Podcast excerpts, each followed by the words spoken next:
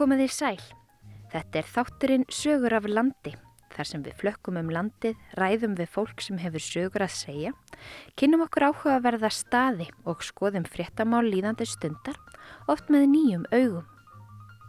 Ég heiti Halla Ólafsdóttir og í þættinum í dag heyrum við sögu Péturs Ottssonar. Þann 17. september 2020 lendi Pétur í alvarlegu vinnuslissi. Við hittum Pétur á heimili hans á Ísafjörði. Þetta er hérna tengivirki sem við vorum að vinna í.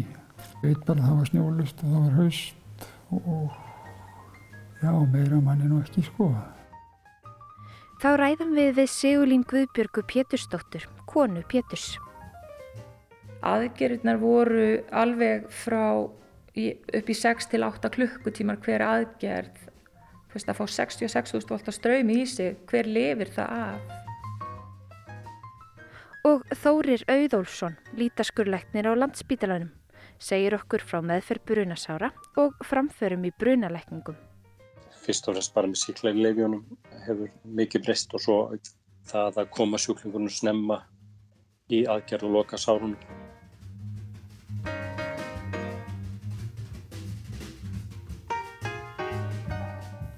En við byrjum í Holtakverfi á Ísafyrði.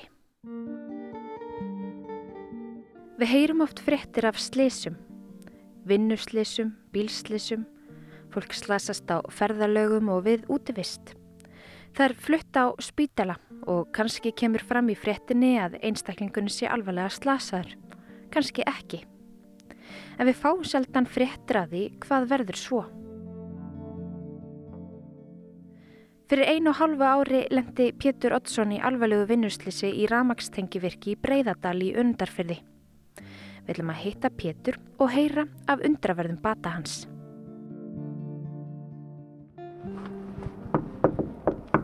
Það kingi niður snjó á Ísafyrði þegar kona Péturs sem er kallið Silla og hundurinn þeirra tryggur taka á móti mér. Hæ, hæ. Takk fyrir. Tryggur er nokkuð spenntur að fá gest og vill helst að ég fara með honum út. En ég vist komin til að tala við eiganda hans.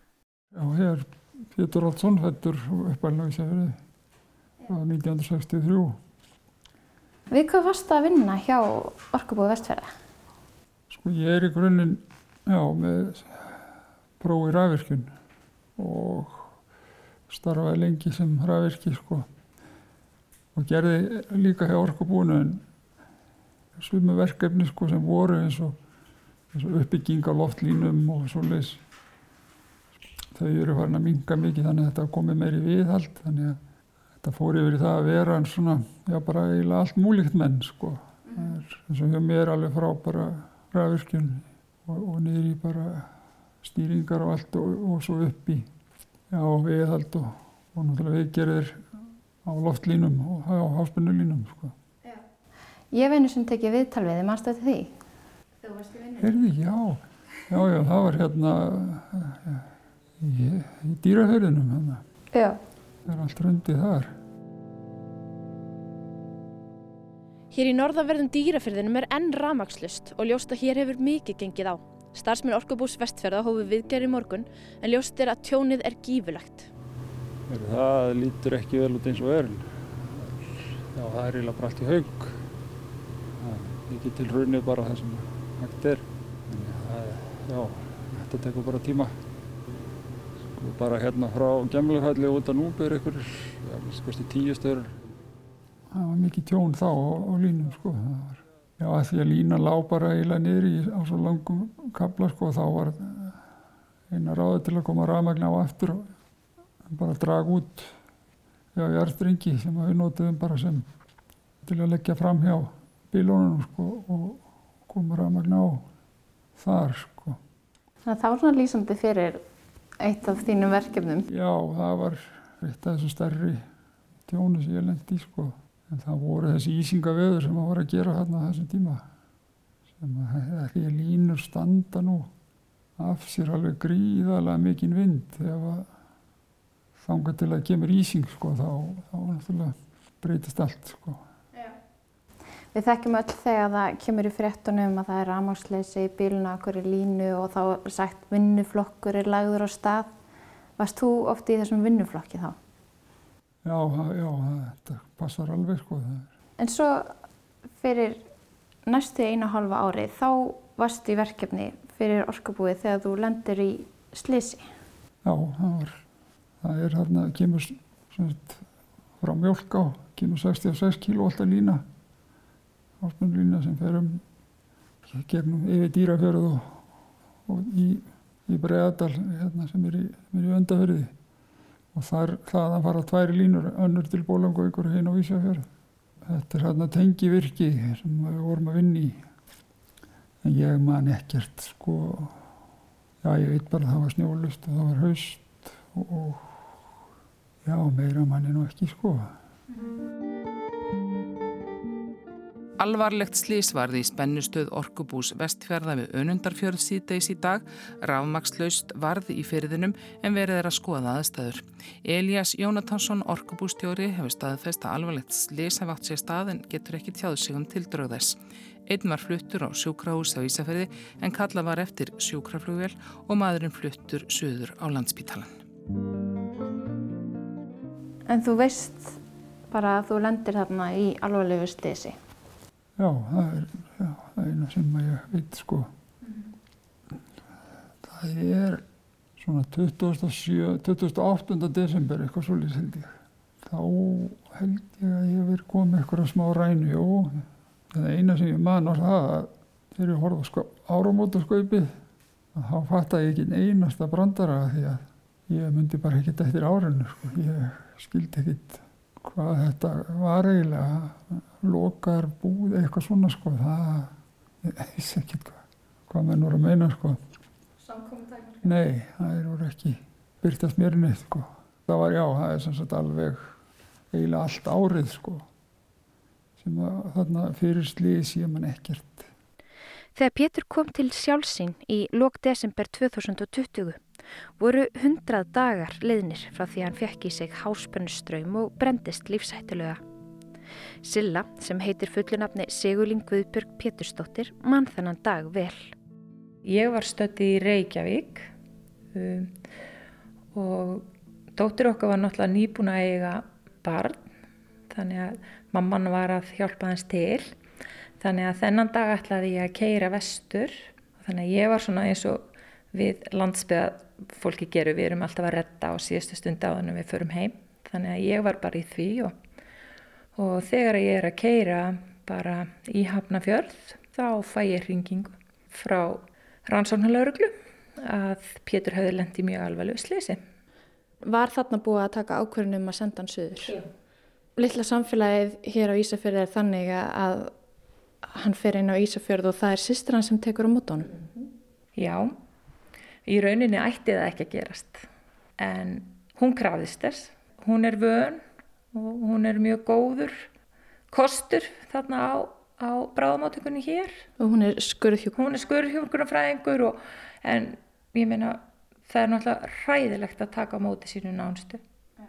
en hún óskaði þess að fá að vera þannig að ég held hún hefði aldrei verið sátt örglaðið ef hún hefði ekki verið En var Pétur með meðvundund á þessum tíma? Sko hver meðvutundin er, maður veit það ekki sko, alveg eins og að, að, að geta svara fólki þegar þú kemur á staðinn, hann var inn og út, þegar hann er að fara í sjúkravélina að, að segja getur einhver tekið trygg sem er hundurinn okkar, veist, þetta er bara svona hlutur, þú ert livjaður og, og svo þegar að hann kemur söður og ég býð bara eftir vélinni á hann komi, ég beigð fyrir utan bráðamótöku þegar að sjúkrabílinn kom, ég fekk að hitta hann kannski í halva mínútu, þeir beigðu bara með hann í, í, í liftudýrónum að fara í aðgerð, hann var bara svo mikið slasaður að verða að fara bjargunum og hann var vakandi, hann horða á mig en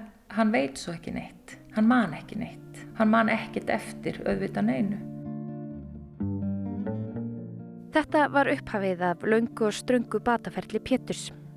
Á landsbítalarum tók á mótu honum hópur fólks smátt eftir að sinna honum næstu fimm mánuðina og jafnveg lengur. Þórir Auðólfsson heit ég og er lítaskurleiknir og starfa á lítaskurtild landsbytalands. Hversu algengt er það að fólk komi inn með meiri háttar bruna? Við e, erum um það byrju bara með 1-2 stóra bruna á ári og e, svo ekkert meiri fjölda á svona minni brunum. Hvað er það sem að gerist til dæmis þegar það verður ramagsbrunni? Ramagsbrunni getur verið svolítið flóknara heldur en e, svona venlur hittabrunni. Venlur hittabrunni er þá bara mistjúpur í húðinni en ramagsbrunni getur verið þannig að það er bara hittabrunni eh, en svo líka þannig að ströymurinn eh, fari gegnum líkamann og valdi bruna þá innvortis sem verður þá eh, allt annars eðlis og svo er náttúrulega oft blandað þessu bæði innvortis og útvortis eða hútbruna. Já, þannig að það er kannski ekkit alltaf alveg sínilegt hver skaðin er, það þarf svolítið að koma í ljós eða hvað? Já, það er, þarf einmitt að fylgja þessu vel eftir því að þetta er alls ekki alltaf, alltaf ljóst og svo flækir það enda meira að það fylgjur svo oft semst, sprenging og, og, og högg eða fall sem getur hafa valdið, valdið öðrum áverkum. Af hverju brennur fólk við að fá svona ströym í sig? Það er sem sagt, eitt er, er sagt, ljósbógi sem er þá eiginlega hiti, veldur þá ytri bruna og svo getur kvenknaði fötum. En svo þessi ströymu sem fer í gegnum líka maður veldur hita, hann, leiði þá fer inn á einu stað og út á öðrum stað og viðnámi í vefjónum er mismundi og mest í þurrum vef eins og segja, húð og svo beinum. Þannig að það fer í gegnum líkamann og hitin út frá beinunum veldur þá fyrst fremst skemmtum í nærleikandi vef sem eru vöðvar og uh, svo geta komið fram hjartsláttartrublanir og vöð, vöðva skemmtinnar valda svo uh, skemmtir á nýrum þegar efni úr vöðunum losna. Þetta getur verið marg slungið. Til að reyna að útskýra hvers konar ströym Pétur fekk í sig, fekk ég ramagsteknifræðing, kollega Péturs, til að aðstofa mig. Spennan á tengivirkinu þar sem Pétur var að störfum var 66.000 volt og ströymurinn var nokkur hundruð amper. Til samaburðar þá eru orkufrekustu heimilistækin, opnin og eldavílin, með spennu sem er 230 volt og ströym sem er 10 til 20 amper. Brota brot af þeirri orku sem Pétur fekk í sig. Hér er Silla, konar Péturs, aftur. Hann var mjög mikið og mjög lífsættilega slasaður. Hann var með mikinn bruna. Bæði annars stegs og þriðja steg? Já, og djúpa, djúpa bruna. Hann var með 45-8% líkamann sem var brendur og hann var með innvortis áverka og það var lifur, hún var rifin, það var mildað, það var nýr, nýrna hetta og nýra. Þannig að þetta var svolítið mikið. Hann er 60 daga sem hann er í og úr á öndunumvilni. Aðgerðnar voru alveg frá upp í 6-8 klukkutímar hver aðgerð og það var svona í fyrstu þegar þú ert að koma úr svona miklu slisi það sem ert að fá rafumagn í því það var bara, það er eiginlega engin von að hann myndi lifa þetta þú veist að fá 66.000 volt að ströymi í sig hver lifir það af Þetta er alltaf ofbóðslega sjokk fyrir líkamann mm -hmm. Og uh, það fara all kerfi í raun og veru af stað og það er hluta því uh, bæði það að þau þurfa að gjörgjast með og maður þarf að komast uh, og losa sjúklingana við semst brenda vefin sem fyrst mm -hmm. til að minka, minka þetta sjokk ástand og komast með það í aðgerð meðan þeir eru í ástandi til að þóla aðgerð. Já. Það verður, verður fljótt sem sagt vandamál eftir brunana. Þetta er oft mjög stór sár, ofin sár og gróðrastíja fyrir, fyrir bakterjur. Þannig að, að það líkur á að koma sjúklingunum í aðgerð og loka sárunum. Aðgerðnar þær voru rosalega margar og það var ekki bara það, veist, legan og gjörgæslinu, allar síkingarnar, síðan þeirra fór að koma innvortis meðslinn í ljós, hann var með málmflýsar í sér og mátti ekki fara í segulómun, þannig að það var ekki hægt að gera allt strax. Þannig að hérna, byðin var ótrúlega en, en ég hef bara aldrei held ég á æfinni trúa því að ég geti orðið róleg í þessum aðstæðum á gjörgæslu. Hvað heldur að hafi stuðlað að því? Sko að horfa á þetta fólk vinna algjörlega fátofumlust. Þau voru svo bara frábær. Þetta var eitthvað svona að fara heim á kvöldin og sofa bara rólegur. Þú treystir. Hann var í góðum hönd. Alveg rosalega góðum hönd. Að vera alltaf með tvo hjúgrannfræðinga yfir sér, samskiptin voru frábær, læknarnir þeir sögðu bara eins og var, ég er þannig að ég vil bara fá sannleikan, ég vil ekki láta leina minn einu, ég vil bara fá allt upp á borðið. Pétur mann lítið eftir árinu 2020 en slisi varð 17. september. Nú er liðið tæft 1,5 ár og hann hefur orðið margsvísari eftir að hann kom til sjálfsín undir lok 2020. Hvað veistu núna um ferlið? Ég held að það sé nokkuð ljóst og það er allt, eiginlega allt virkað. Það ferlið bara frá því að bara vinnufélagur og aðri lenda náttúrulega í þessum, þessum óskupa, þessum skjelvingu að, að vera vittnað svona löguð sko. Ég held að það sé ekki, ekki þægilegt sko. Og svo bara þetta sjúkraflutningur á spítalinn hérna og sjúkraflutið söður og allt þetta, þetta verður allt gengið upp sko. Svo var þetta bara, já, spurning hvort að maður myndi lifa þetta af hérna fyrsta, fyrsta sólarhingarna sko. Og svo bara að hérna fá, fá svona kerfi til að virka aftur, þetta sjálfvirka kerfi sem að líka minn er sko. Bara ef þú setur eitthvað í munnina þá fer bara eitthvað kerfi í gang sko alveg niður í bara niður í gatnir sko. Það, það þarf allt að virka. Það er meira og minna er þetta rafbóð. -hmm. Þannig að þetta fer allt úr skorðum sko. Og líka með einhvern veginn bregst við svona miklu áfalli með því að ég heirt að hann fyrir að hugsa bara um svona grundvallar starfsemi. Það er bara heila starfsemi, öndun og hjarta og bara lokar fyrir hitt eða meira og minna sko. Og þeir var haldið sofandi eða hvað? Já, ég skilst það sko sem betur verið, ég held að þetta var alltaf verið.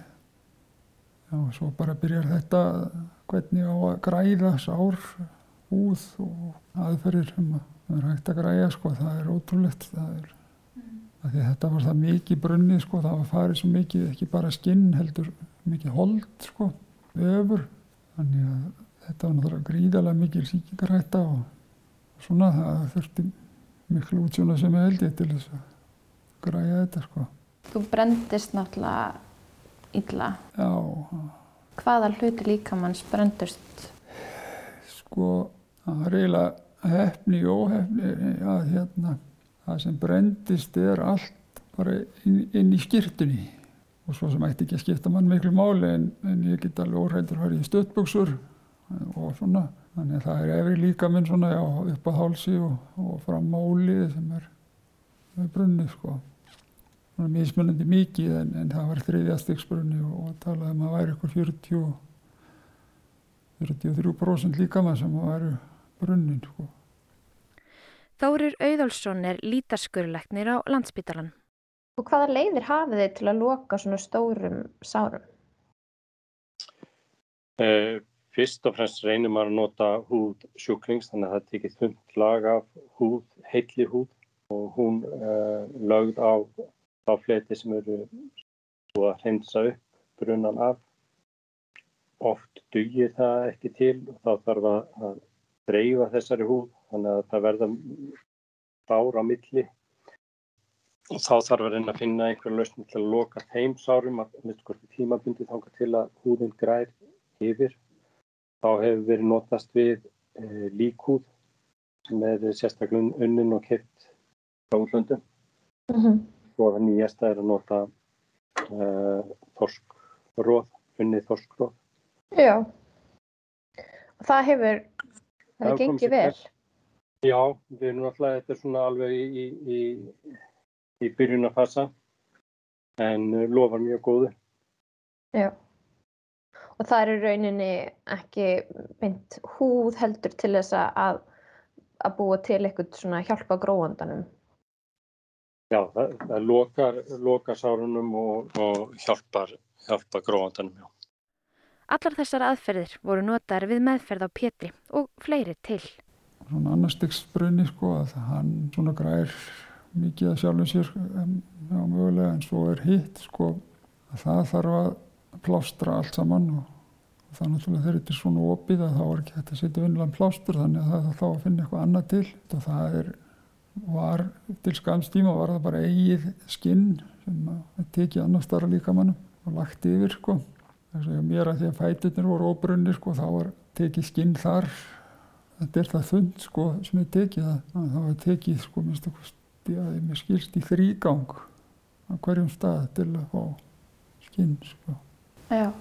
og svo var er notað mikið, ég veit ekki sem mikið en það er notað bara gafaskinn sem bara tekið af látna fólki eitthvað staðar. Ég held að það er frá Breitlandi eða eitthvað staðar. Og það er notað og svo náttúrulega já, kom mér, mér vel að vera hérna, hérna þeir, já, við fengum mikið af þorskróði, hérna, það var hérna frá Keresis, það var alveg ómælt róði sem er bári í okkur. Þetta er bara fétasýrur eða svona omega-3 skilst mér að, og þetta er bara lagt yfir eins og plástur og svo bara hjálpar þetta við bara að gróa sko, heldur sárinu lókuðu og kemur gróandi að stað sko þetta er alveg ótrúlegt sko. Þetta sé hægt, maður bara skilur það ekki. Það sé eitthvað annað en bara saltiskur og, og, og, og nakkar sko. Já. það er hérna já, ekki með róð bara í svona vakumpakkuðum umbúðum og þetta lagt yfir sko. Gekk það vel? Já, það gekk vist mjög vel sko. Það er það voru sár sko setna sem vildi ekki lokast sko því að já, sem starf eins og annari hendinni var það ítla farin sko að það var ekki hægt að koma einhverjum gróanda stað eiginlega.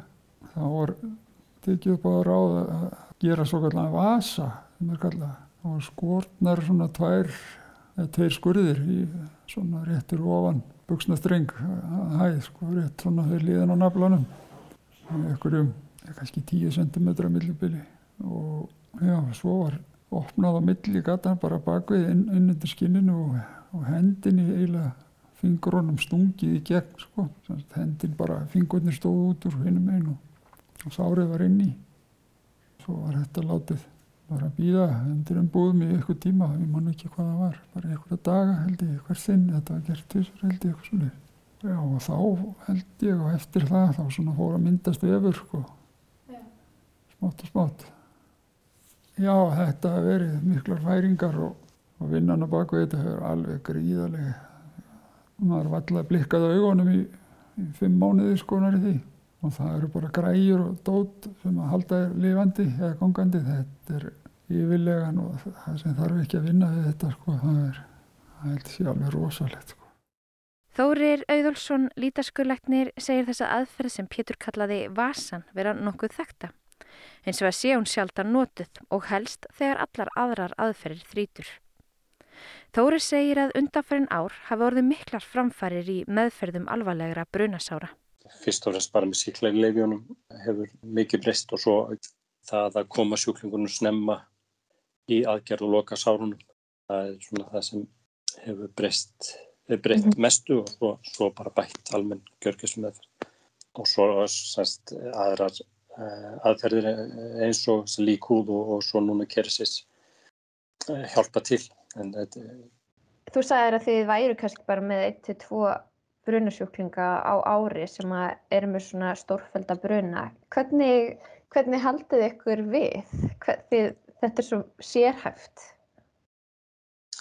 Þetta er sérhæft en, en svona í grunninn eh, maður segir þetta sama sko, og minni, minni brunar en, en stóru brunnir krefjast á gjörgæslu meðferðar og, og um, sem betur fyrir búið bara mjög góðum gjörgæsluleiknum sem uh, hafa starfað erlendis og, og þekkja vel til Mm -hmm.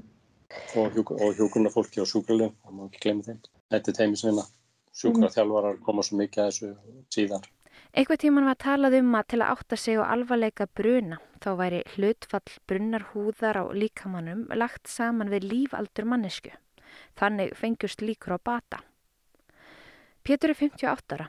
Hann brann á tæplega helmingi líkamanns og samkvæmt þessu viðmiði væru engar líkur á því að við sætum saman í stofinu hans að spjalli einu og hálfu ári eftir þetta alvarlega slis í tengivirkinu í öndaferði.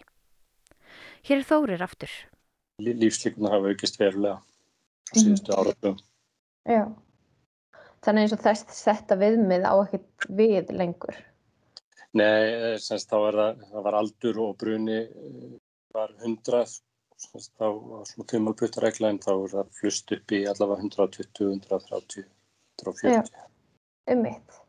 Þannig að það hafa, þetta hefur mikið gerst á, á, á kannski ekkit mjög lungum tíma. Já, já, sem betur fyrir. Fjölmarkir komað meðferð Péturs Oddssonar en hann var 60 daga á gjörgjastlu og fjölskylda hans, Silla og börn þeirra Pétur Tryggvi og Kristni lifiðu á milli vonar og óta. Þeirra svona slísverður það ég lá bara á, eins og ég sé margum sé, ég lá bara að deplaði jónum en þetta lendi alltaf konunni og, og börnunum og, fjölskyldunum minni stýri sko allt þetta allt sem þarf að ákveða sko bara já bara frá því að já bara frá því að slísi verður sko þá til að já fram á daginn í dag eiginlega það er og þá lendir þetta á öðrum heldur en mér sko þessi vinna sko í, í kringum dagleitt líf. Það sem kom mér rosalega á óvart var það að ég fekk enga áfallahjálp. Það það sem kom mér rosalega óvart. Eftir nokkra daga var ég spurgut því ég vildi hitta prest og ég þakkaði fyrir það og hitta alveg indislegan prest. Mm -hmm. En mér var aldrei bóðið neinn sálfræði aðstóð nýja börnunum mínum eða neitt. Af hverju heldur það sé? Ég veit það ekki. Það er áfall að teimi Já. og þetta er náttúrulega það mikið áfall. Maður held að, að það kæmi bara að þér eru bóðið en, en ég segi uh, fólkið á gjörgæslunni var alveg dásamlegt og kannski það hafi hjálpað. Ég tók ákvarðun sjálf að leita til geðlæknisins sem að hefur bara verið okkur innan handar Ólafur Þóra Ævarsson og hann var mín stóð að stitta þarna og það var alveg rosalega gott að, að hitta hann. Loksins komst Pétur af Gjörgjastlu eftir 60 daga veru. Hann átti þó eftir að vera þrjá mánuði til viðbútar á spítalunum sem og í endurhæfingu á Grænsás. Þegar hann kemur af Gjörgjastlu þá er hann ekki sagt, með sjálfum sér og hann er mikið óráð og, og hann er með Gjörgjastlu lömun Þannig að hún er ekki beint haldið sofandi en hann er ekki með sjálfum sér. Hann var tekin af öndunavílinni en Gjörgeslu lömunin gerir það verkum að hann er ekki að vakna. Hann, hann vissi ekkert af sér fyrir ná annan í jólum og degi hundrað. Ja. Hann þekkti okkur ekki þó sem hann var í vakandi og það er það sem maður upplifir eh, svolítið sérstakt í svona aðstæðum að það er þegar að fólk er að horfa á þig og er vakandi og og er með martraðir og eitthvað en það er ekki með sjálfum sér Nei. það er svolítið skrítið að upplifa þetta hann er með ofin augu yeah. hann, hann talar við okkur yeah. hann vissi ekki hver við vorum en lág fyrir að þetta væri þetta væri ekki staðan án til frambúðar að þetta væri tímabil sem myndi ganga yfir Gjörgjæslu lömun er þannig að, að hérna, það tekur tíma að ganga tilbaka mísjaflega lengi skildis mér mhm. ég er ekki sérfræðingur í þessu en, en þau útskýrðu vel hann fær bæði að tauga og og vöðva lömun mhm. hún tekur bara hann var svo lengi á öndunvelinni að það tekur bara svo langan tíma að gerast Já. og svo veit maður ekkert eftir svona ramagslis hvaða áhrif þetta hefur á til dæmis bara heila stopnin. Umvitt. En þú segir að hann vaknar í rauninu úr þessari gjörgjastlu lömun og annan í jólum. Já. Hvernig lísti það sér þegar hann kemur til sjálfsins? Það var búið að vera rosalegu barningur. Á þólásmessu þá heldum við að hann færi. Hann var mjög veikur. Þá hafði hann fengið lífsættulega hátt kaljum í blóðin og, og hann var bara alveg við döðan styr. En það var sem betur fyrir gripi fljóttinni og, og hann kom til sjálfsins þarna um kvöldi fór hann svona að, að aðeins að koma tilbaka. Mm. en þarna urðum við mjög hrætt og við vorum hjá hann með aðfangadag klukkan 6 ákveðan við að við ætlum að vera hjá hann og á jóladag og síðan vorum við hérna á annan í jólum og, og það var ekki fyrir hennum kvöldið að hann allt í einu bara hvað er ég? Hva, hvað kom fyrir mig? Og það var svo skrítið að vera með litla nýfætta barnið sem hann var í rauninu búin að sjá áður en að slisi var. Hann vissi ekkert hver ætti þetta barn. Þetta er mjög sérstatt að upplifa.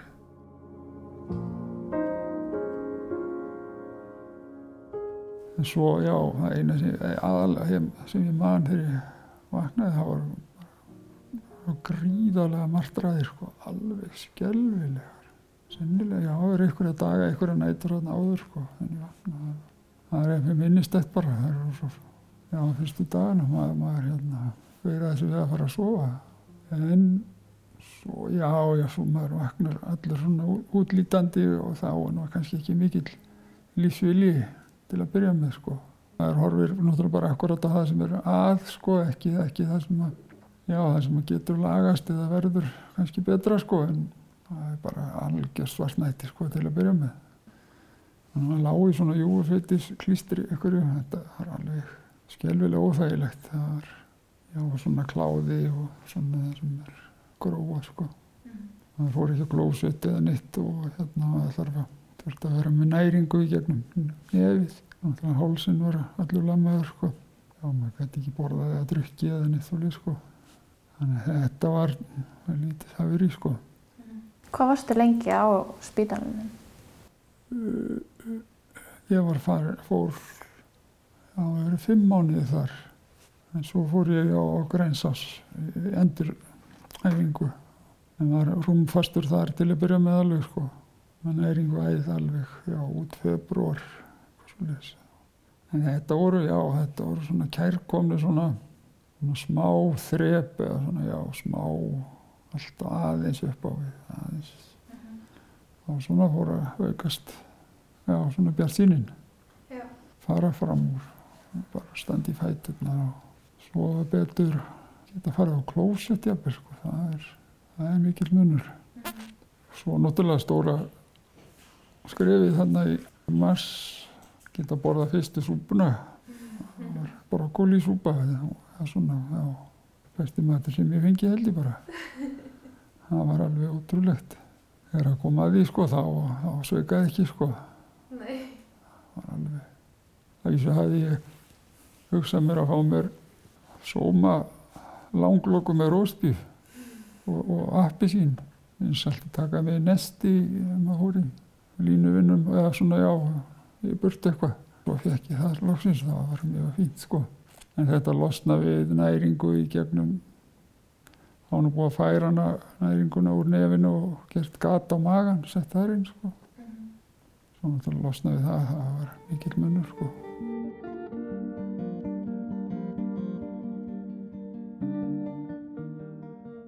Þá sem maður tók eftir að vakna náttúrulega við það að það er allir með grímur ég skildi ekki alveg af hverju var mm.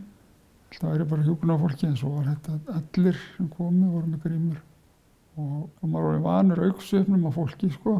Aldrei séð það áður án grímur sko. Mm. svo maður var vanur auksöfnum og ég held að það hefði verið nærið í undateiningarlaust að þá lagaðist fólki ekkert við að taka niður grímuna. Það er munnsvipur hjálpaði vel ekki til að því auksvipurinn segir svo mikið og er svo fallegur oft sko. Ekki það að vera neitt slæmt er að tóka hana niður heldur svona, var kannski öðruvísi heldur maður bjóst við. Já. Hvenar komstu síðan aftur á Ísafjörð? Ég byrju í júni.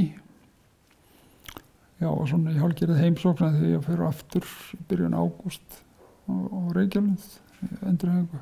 Já, maður veit eiginlega ekkert hvernig maður á að bera sig sko, já bara að koma að því að þegar maður fekk eitthvað tíman tár nærið í augun sko, það var þegar maður heyriði af öllum stuðningnum sem maður hafi fengið þarna bara allstaðar eiginlega heima og ég veit ekki hvar sko, bara eins og kerið og, og bara, já bara almenningur eða ég veit ekki Það var hlaupið já, til þeim? Já, það var einmitt hlaupið og það var og bara ég, bara fjöldin sem að tók þar þátt og bara allt sem að það var alveg með ólíkindum sko komst við sko þegar maður heyrði þetta sko svo hérna það var meira svo, svo gott er í köllu þetta skamhlaupi það er ekki það er áheita hlaupi sem var haldið Já, það getur verið Já, já, ég held að það sé Styrtarhlaup var haldið á Ísafirði og víðar í dag til aðstóðar manni sem lendi í alvarlegu slísi í Tengivirki í Breiðadal við Önundafjörð í september. Mörgundruð skráðu sig í hlaupið á samfélagsmiðlum. Það er hlaupahópurinn Rittara Rósu sem stendur fyrir hlaupinu sem er til styrtar Pétru Ottsinni og fjölskyldu hans. Pétur slasaðist illa í tengivirki við Önundarfjörð 17. september. Honum hefur verið haldið sofandi í öndunarvél á gjörgjastlu á landspítala síðan þá. Slísið er til rannsóknar hjá lauruglun á vestfjörðum. Hált fjórða hundrað skráði sig í hlaupið á Facebook, meiri hlutin fyrir vestan en einnig víðar. Það bara, bæjarbúar hafa tekið mjög vel í þetta og ekkert bara bæjarbúar, það verður að hlaupa í Slovakíu þar sem Pétur Sónur þeirra er við nám, það er verið að hlaupa í Reykjavík, Bólungavík, Keflavík og fólki bara tekur þessu ótrúlega vel.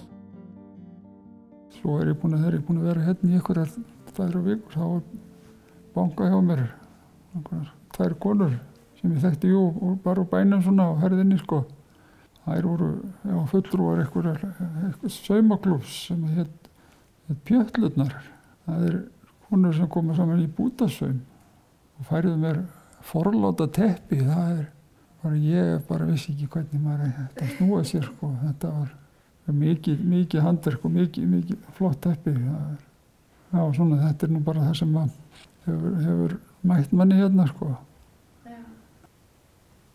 Þessi, já, þessi bara aðstóð sem við fengið er eiginlega Já, bara óþakkanleg, já, já.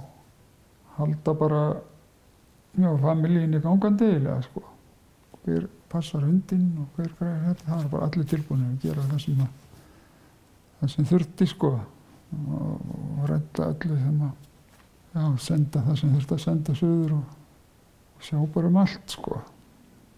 Það er gríðaleg, sko, já, léttir náttúrulega að vita til þess að það geti sótt þessa hjálp sko. Ég að vita til þess, það veit náttúrulega enginn til þess fyrir hann á reynir sko hvað þetta er, ótrúlega mikið sko. Það eru bara verið hérna eiginlega, þú veist, alla tíð og bara vinna sína vinnu og ja, það er, já, maður er bara verið svona, bara einn af þessum sem búið í bænum sko, eiginlega, það er svo bara, já, og það er eitthvað sem kemur upp á og þá veit maður bara hvernig það er, hvað skiptir miklu máli. Að tilhera svona samfélagi? Já, það er, og ég held að fólk, ég held að sé ekkert munur á fólki svo mikil sem slíku sko, milli hvort þú ert í borg eða bæi eða eitthvað staðar sko. Grunninn það er bara aðstæður sem að gera það verkum að þú tekur meira eftir hvað er að gerast, þú tekur meira eftir umhverfunu held ég og það er svona persónulegra held í svona litlu umhverfi sko, þar sem þú þekkir alla og þú stýður hvert annað því að nærum hverju meira sko. Það er allt í kringuðu fólk sem þekkir. En, en annar staðar að sem er þéttbílið er meira, þá er bara ekki tólk í kringuðu sem þú þekkir sko. Ekki svona stór og mikið hlópur sko. En það er, það er jafn gott fólk allstaðar, hvað sem þú kemur sko. Hvernig ertu núna, núna eftir eitt og hálft ár? Hvernig líður þér og, og hvernig er líkaminnin? Sko, ég voru að spyrja það hvort ég sé með verki, er, það er ekki, það er ekki miklu verkir svolítið, sko, það er svona svona, hvað er verkurinn? Þetta er mikil, þetta er mikil óþægindi allstaðar og, og svona mjög erfitt að velja född eftir aðstæðum og svona, sko, þetta er svo viðkvæmt allt, sko. Mm -hmm. Og svo náttúrulega bara reyfi hamlun sem að, efri líkamannu doldið sem að sem er vesen með sko. Hér er Þórir Auðolsson, lítaskurleiknir. Hvernig er svona langtíma bati af svona uh, alveglegum brunum? Þetta tekur náttúrulega langan tíma uh, að jafna sig ef maður jafna sig nokkur tíman. Ágrætt húð verður aldrei eins og eðlileg húð. Uh, nú dregst saman og það krefst uh, fleiri aðgerða til að losa upp samdrætti. Svo bara sálrætt skadi getur verið mikill og krefst mikillar endurhæfingar svo ég segi hjá sjúkraþjálfurum og eðið þjálfurum. Mm -hmm. Já, þetta er er, eh, fyrir stóra bruna er þetta, er þetta mikið langklaup, já. Þetta eru 20.000 volta, sko 60.000 volt. Er svo óbórlega spenna. Það er raun og bara ótrúlegt að maður þóli, þóli svona ströym. Pétur er smá kraftaverk. Pétur er kraftaverk. Mm -hmm. Stendur ótrúlega vel. Já.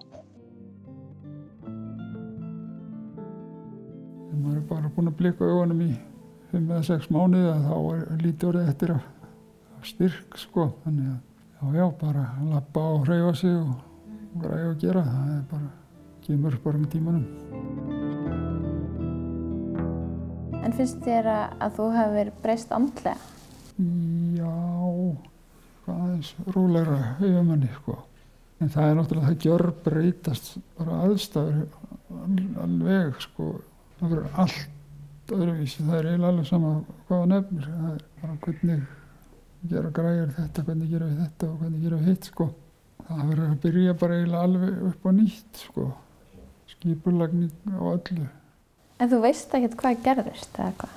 Og, og, og ég veit ekki hvort að hafa eitthvað upp á sig ég, ég geta áralega fengið allar upplýsingar sem við þarf sko og hvað gerðist það voru menn þannig í kring en þá kemur sko líka að hvað er ég að gera eitthvað hvað djöfisins vittleysu sko.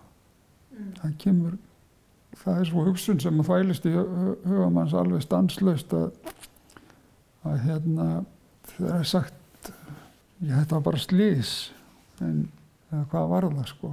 Það var bara, þetta er til í skýslum og, og þetta er bara þarna og verður bara til í sögunni sko. Yeah. svo vittneskja sko, hún, hún getur verið fyrir aðra.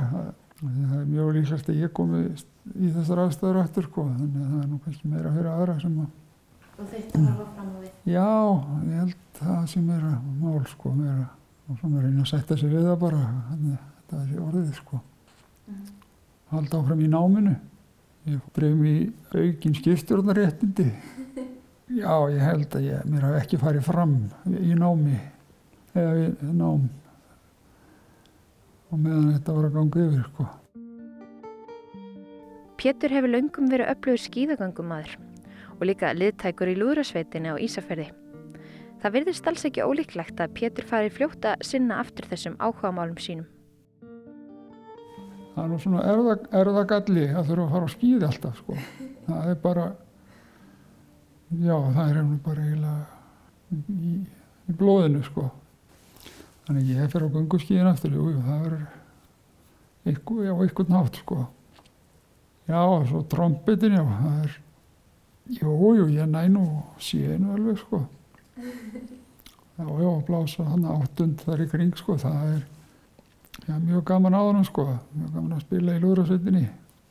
Það er alveg einstakt, sko. Já. Þetta er skemmtilegur hópur og svo náttúrulega stjórnarnir alveg með eindæmi fýtt, sko, Matís mhm. okkar, hann, hann er alveg sérstakur, sko. Þú ert verri í vinstri heldur en hæri þannig að þú getur ennþá spilað á trömpeti. Já, já, ég get það sko. Það er helst sko bara ná loft, lungum og þrýstingi sko. Það er ná því að upp aftur sko. Það er grunn öndunin ennþá sko. Já. En jú, jú, það er, það var bara, já, hjá tal, hún hjá talþjálfur eða talmeinafræðingum og svoleiðis að það var bara dagskipuninn að að blási lúðurinn það væri það er bara hluti að endurhefingunni en ég held að sé nú ekki mjög gaman fyrir aðra að þurfa að hlusta á svona æfingaprógrami svona lúðrablæstri sko þannig að hann er nú aðalega að spila á er einn heima það er bara hundgreið sem þarf að fóla það sko. Ekki vinsall hluti af endurhefingunni? Nei, ég held að það sé ekki að nokkur mannlegendi sko hlusta á það Hundurinn Tryggur verist vita að við erum að tala um hann.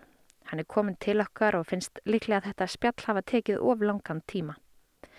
Mér langar þó enna þess að spyrja Pétur út í næstu skref og markmið. En Tryggur vil koma stað. Komast á staði vinnu og hérna, það ætti ekki að verða vandamál held ég sko. Þetta er fyrstir eru búin að, þeir eru nú búin að bjóða með vinnu áfram í orkubúinu.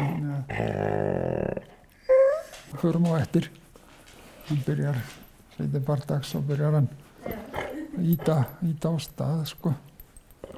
Þeir eru búin að fara á hverjum deginu, þeir eru í 11 ár. Samlega. Hann hefur verið gladur að fá þig aftur heim. Sko hann var alltaf svo gladur þegar ég kom heim sko. Þannig að þetta var nú bara eins og einn dagur í uppbútt sko. Ég held að það hef ekki átt að segja alveg á því að því að við varum svo heppin að eiga góða að að hérna vinnu minn fjölskyldarnans þegar þau tóka hann að sér sko í þessa mánuði sem vorum í burtu. Þannig að og hann var í góðu yfirleiti þar sko þannig að hérna já. Og núna er hann með þér í endurhæfingunni? Já, já, hann drefum með áfram sko. Það er engin það er ekkert veður og vond til að fara sko, hann er að fara út. Þannig að hann stendur sér vel í sjúkaþjálfunum? Já, hann er hérna í því sko. Þetta er svona brút labrador, ofsvöldlega stór, já, en góður, með stórt hjarta líka. Það er ekki mikill varðundur í honum að mista kosti. Hann, ég held að hann bjóði alla velkomna sem að, og svo ég engi sér heima hjá sko. Þannig er hann bara í skó og heldur hann sé að fara í gungutúr. Já, saman hver er? Já, ég held, já, ég ekki orðið. Hann fyrir ekki manna minn, sko. En var hann ekki káttur að fá þig heim þegar þú komst? Jú, hann var káttur. En svo bara var, já, náði í skóin og bara að stað. Þetta, sko.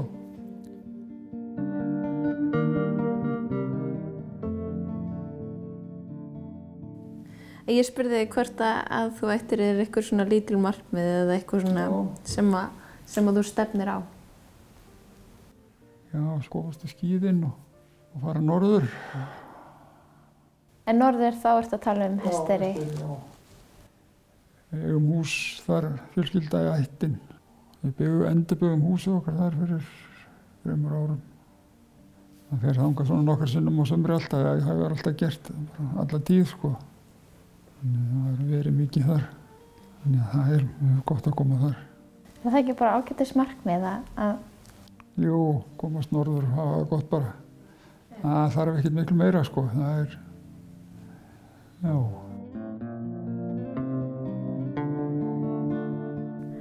Þarna heyrðum við í Pétri Ottsinni sem lendi í alvarlegu ramagsleysi fyrir um einu og halvu ári og hefur náð undraverðum bata.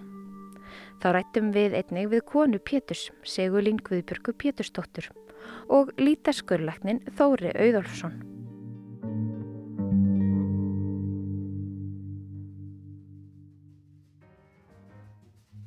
En þá kom að lokum hjá okkur í sögum af landi. Ég heiti Halla Ólafsdóttir og tæknumæður þáttarins var Lítiða Gretastóttir. Við þökkum þeim sem hlýttu, lifið heil.